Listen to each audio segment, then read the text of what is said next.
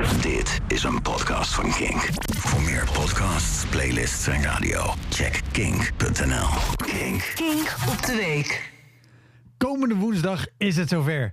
Dan is het 8 maart, de dag waarop we vieren dat het al een week lang klimatologische lente is. Woehoe!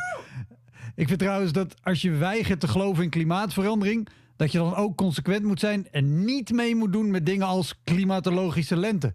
Dat is dan zeker ook maar een verzinsel van wetenschappers die jaren hebben gestudeerd om niks te weten van iets waar jij zeker drie hele YouTube-filmpjes over hebt gekeken.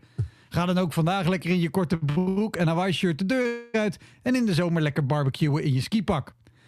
Maar 8 maart is ook een belangrijke dag van. Het is namelijk de dag van de Rotterdamse hospitality. Een dag om even stil te staan bij vriendelijke Rotterdamse gastvrijheid. Zoals het onovertroffen wat mot je?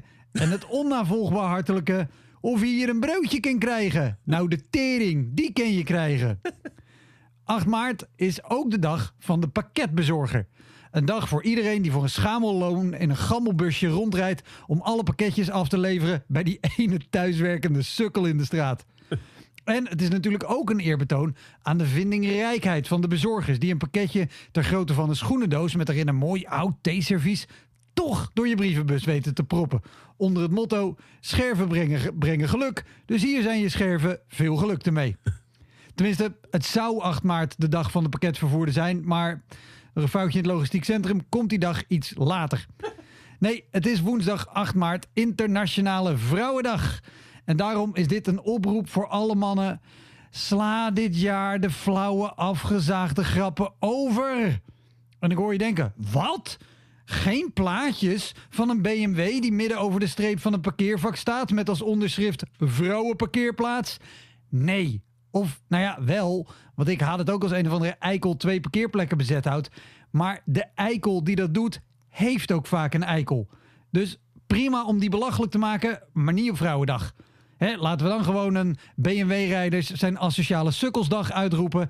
En dat iedereen heel solidair gaat bumperkleven en uit principe geen richting aangeeft.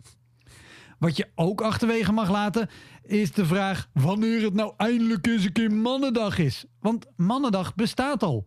Die wordt op 23 februari in Rusland gevierd tijdens de Dag van de Verdedigers van het Vaderland. Kijk, je mag de vraag wel stellen, maar voeg dan ook de daad bij het woord en meld je aan om samen met het Russische leger het vaderland te verdedigen.